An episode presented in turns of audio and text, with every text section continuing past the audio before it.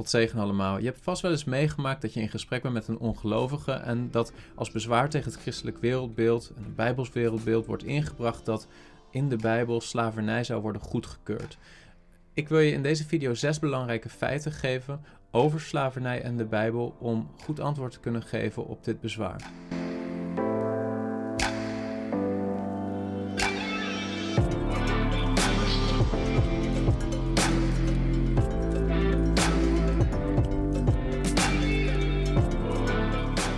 Eerste feit is dat gedurende zo'n beetje het grootste deel van de menselijke geschiedenis slavernij de maatschappelijke norm was. Zo'n beetje wereldwijd de maatschappelijke norm was.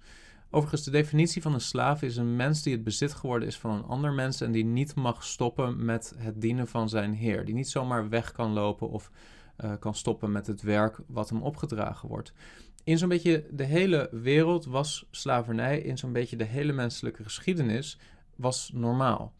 Uh, ook al zou je dat misschien vreemd vinden vandaag de dag in Nederland, anno 2021, is dat wel hoe het grootste deel van de menselijke geschiedenis uh, de, de maatschappelijke normen lagen.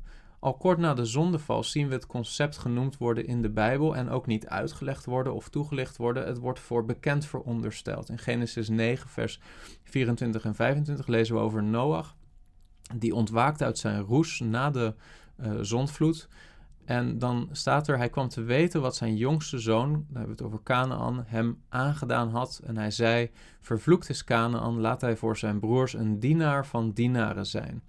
En daar zien we voor het eerst in Genesis dat Hebreeuwse woord voor slaaf of dienaar genoemd worden. Er staat Ivet. We zien ook meteen dat het zijn van een slaaf geassocieerd wordt met een vloek. Het is niet een zegen, uh, het is een teken van een vloek. En het is dan ook duidelijk dat slavernij niet iets is van voor de zondeval, niet een concept is wat God oorspronkelijk in de uh, Hof van Ede geïntroduceerd zou hebben, maar dat het iets is van na de zondeval. Het is een consequentie van de val van de mens, van het feit dat middelen schaars zijn geworden, van het feit dat de mens moet zwoegen om te overleven en niet alle mensen daartoe in staat zijn. Maar daar komen we straks op. De term wordt hoe dan ook in Genesis al voor bekend verondersteld en dat laat zien dat het al vanaf het begin van het schrijven van de schrift een maatschappelijke norm was, dat er zoiets was als slavernij. Slavernij is overigens in 1863 officieel afgeschaft bij wet in Nederland en in 1865 in de Verenigde Staten. Maar ook vandaag de dag zijn er wereldwijd naar schatting nog zo'n 12 tot 30 miljoen slaven. Een tweede belangrijk feit is dat slavernij een maatschappelijke functie had. Historisch bezien werden mensen meestal slaven om een van de volgende drie redenen. Allereerst dat ze hun schulden niet meer konden betalen en dat ze dus financieel teloor gingen. Ten tweede dat ze de wet hadden gebroken en dat slaaf worden dus een vorm van een straf was. Ten derde dat ze een militaire nederlaag hadden geleden en daarmee uh, tot slaaf gemaakt werden door het volk wat een oorlog had gewonnen. En hoewel ons beeld van slavernij vaak heel erg gekleurd is door de racistisch gemotiveerde koloniale slavernij van de laatste eeuwen, uh, is het onjuist om de hele geschiedenis van slavernij te bezien door die bril. Want in bijbelse tijden had slavernij eigenlijk niks te maken met racisme of met het idee dat bepaalde mensen van een bepaalde afkomst of met een bepaalde huidskleur minder waard zouden zijn dan andere mensen. Dat was in de klassieke wereld eigenlijk meestal niet de reden dat er uh, slaven waren. In de klassieke wereld was er geen sociaal zekerheidsstelsel.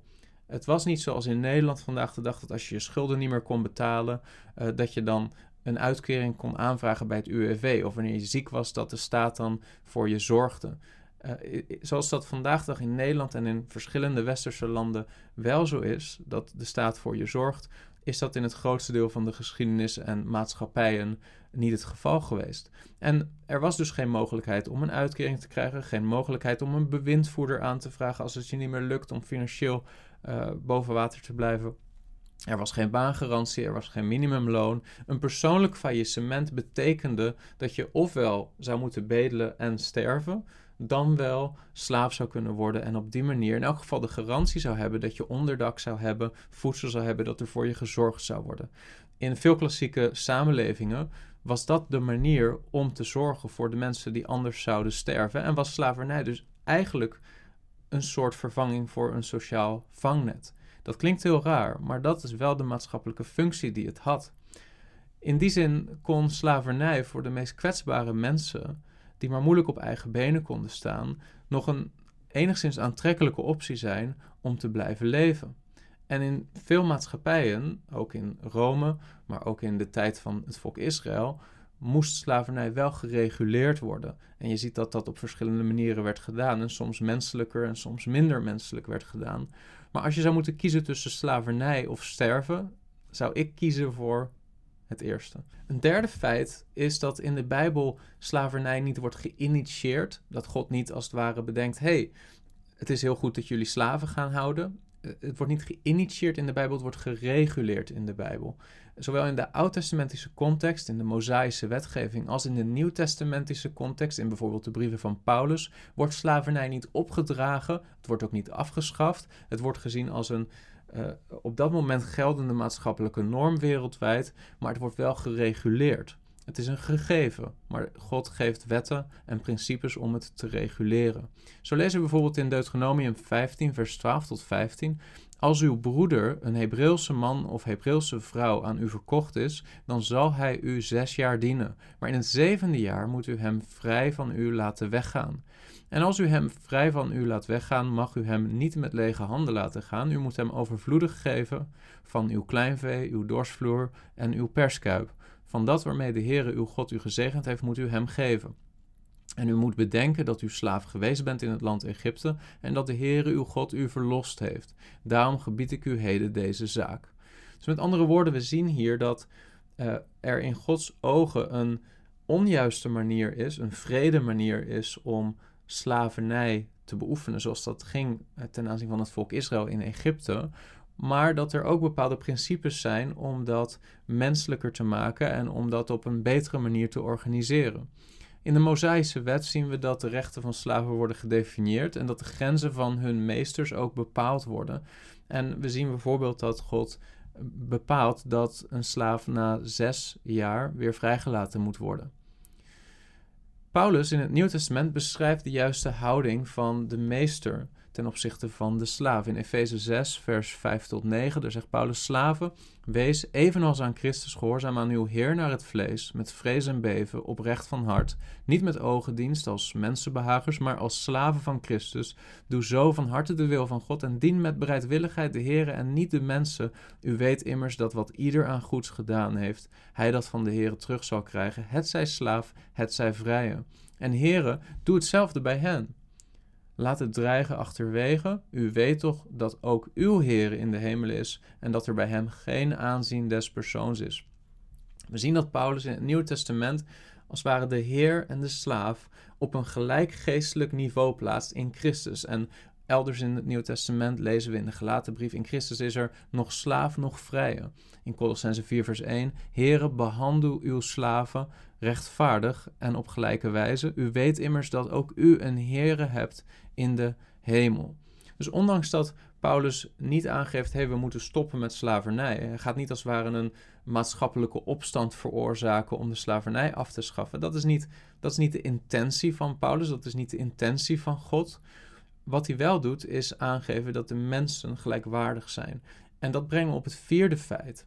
En dat is dat het Bijbels wereldbeeld incompatibel is met racistische onderbouwingen van slavernij, zoals dat in de koloniale tijd gebeurde.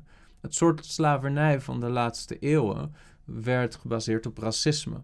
En dat gaat in tegen het fundamentele Bijbelse mensbeeld. We lezen in Genesis 1, vers 27 dat God de mens schiep naar zijn beeld. Naar het beeld van God schiep hij hem, mannelijk en vrouwelijk schiep hij hen. En de Bijbel onderwijst dat heel de mensheid afstamt van diezelfde mens die door God geschapen is naar zijn beeld. Eh, dat zegt ook meteen dat ieder volk afkomstig is van diezelfde persoon en intrinsiek gelijkwaardig is aan elk ander volk.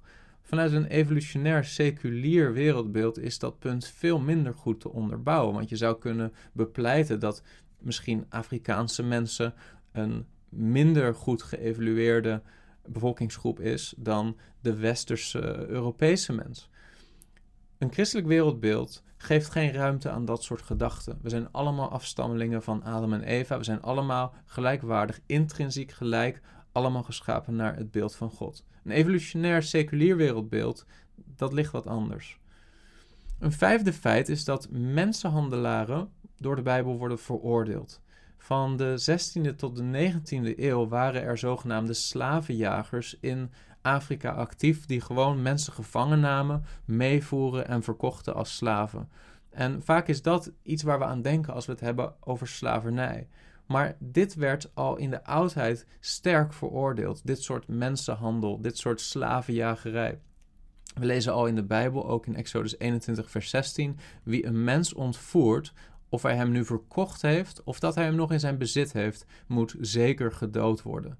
Dus het hele concept van een mens gevangen nemen en verkopen als slaaf wordt veroordeeld door de schrift. Maar we lezen bijvoorbeeld ook dat Paulus in het Nieuw Testament in 1 Timotheus hoofdstuk 1 vers 8 tot 11, wanneer hij een opsomming geeft van verschillende zondige mensen, verschillende zondige mensen en verschillende soorten zonden, dan zegt hij in vers 10 voor ontuchtplegers, voor mannen die met mannen slapen, voor mensenhandelaars. Mensenhandelaars. Daar staat andrapodistes, slavenhandelaren of kidnappers. Dus daar, daar wordt eigenlijk dat hele concept beschreven, maar ook meteen veroordeeld door Paulus. Een zesde feit is dat de geest van het evangelie de basis bood en biedt voor de afschaffing van slavernij. Het hele thema van het evangelie van de Heer Jezus Christus is dat God ons in Christus vrijgemaakt heeft van onze slavernij aan de zonde. En ook in het Oude Testament is het thema, het hoofdthema, dat God zijn volk Israël bevrijdt uit slavernij uit Egypte. In het Nieuwe Testament lezen we ook dat God zelf vanuit zijn genade door zijn zoon Jezus Christus de prijs betaald heeft om ons vrij te kopen van onze slavernij aan zonde. En de geest van genade in het evangelie van Jezus Christus verandert dan ook de visie op en de omgang met de slaaf. En dat wordt bijvoorbeeld zichtbaar in Paulus' brief aan Filemon, waarin Paulus als apostel pleit voor de man Onesimus, een slaaf die waarschijnlijk was weggelopen van zijn meester Filemon en die vervolgens tot bekering en geloof in Jezus Christus kwam door de prediking van Paulus. Vervolgens stuurt Paulus deze slaaf weer terug naar Filemon, waarschijnlijk zijn meester, en biedt zelfs aan om de rekening te betalen. Waarschijnlijk had Onesimus diefstal gepleegd of iets gedaan om zijn heer te beschadigen en was vervolgens gevlucht. Maar Paulus stuurt hem terug en biedt zelfs aan om de rekening te betalen van de schade die Onesimus veroorzaakt zou hebben, om hem maar weer geaccepteerd te laten worden. En daarmee zien we dat de apostel Paulus een hart heeft, ook voor de slaaf. En dat dat de geest is van het evangelie. Dat alle mensen in Christus gelijk zijn en broeders zijn. Ik lees even een schriftgedeelte om af te sluiten vanuit de brief aan Filemon, vers 15 tot 20. Daar zegt Paulus over Onesimus, want hij is wellicht daarom enige tijd van u gescheiden geweest, opdat u hem voor eeuwig zou terughebben, niet meer als een slaaf, maar als meer dan een slaaf, namelijk een geliefde broeder. Was hij dat in het bijzonder voor mij, hoeveel te meer zal hij het voor u zijn, zowel in het vlees als in de Here. Als u mij dus houdt voor een medegelovige, aanvaard hem dan zoals u het mij zou doen. En als hij u in iets onrecht aangedaan heeft of u iets schuldig is, breng het mij in rekening. Ik, Paulus, heb het eigenhandig geschreven, ik zal betalen, om niet te zeggen dat u ook uzelf aan mij schuldig bent. Ja, broeder, laat mij dit voordeel van u hebben in de Heer. Verkwik mij innerlijk in de Heer. En zo zien we dat Paulus een slaaf niet minacht, maar bereid is om zelf de prijs te betalen om deze slaaf weer te herenigen met zijn meester. Ik hoop dat je iets hebt aan deze overdenking. Ik hoop dat je iets hebt aan deze video. We zien hiermee dat de Bijbel slavernij niet bedacht heeft. Het was een gegeven in de maatschappij. We zien dat het ook een maatschappelijke functie heeft gehad. Ik denk dat het goed is dat het vandaag de dag afgeschaft is en dat ook bijbelse waarden de basis hebben gevormd voor de afschaffing van slavernij. Dit is dus geen valide argument tegen de Bijbel of tegen God, maar het is belangrijk om deze dingen te weten om goed antwoord te kunnen geven, mocht dit bezwaar op je pad komen. Heb je iets gehad aan deze video? Druk dan op like en wil je vaker dit soort apologetische video's zien? Abonneer dan op dit kanaal.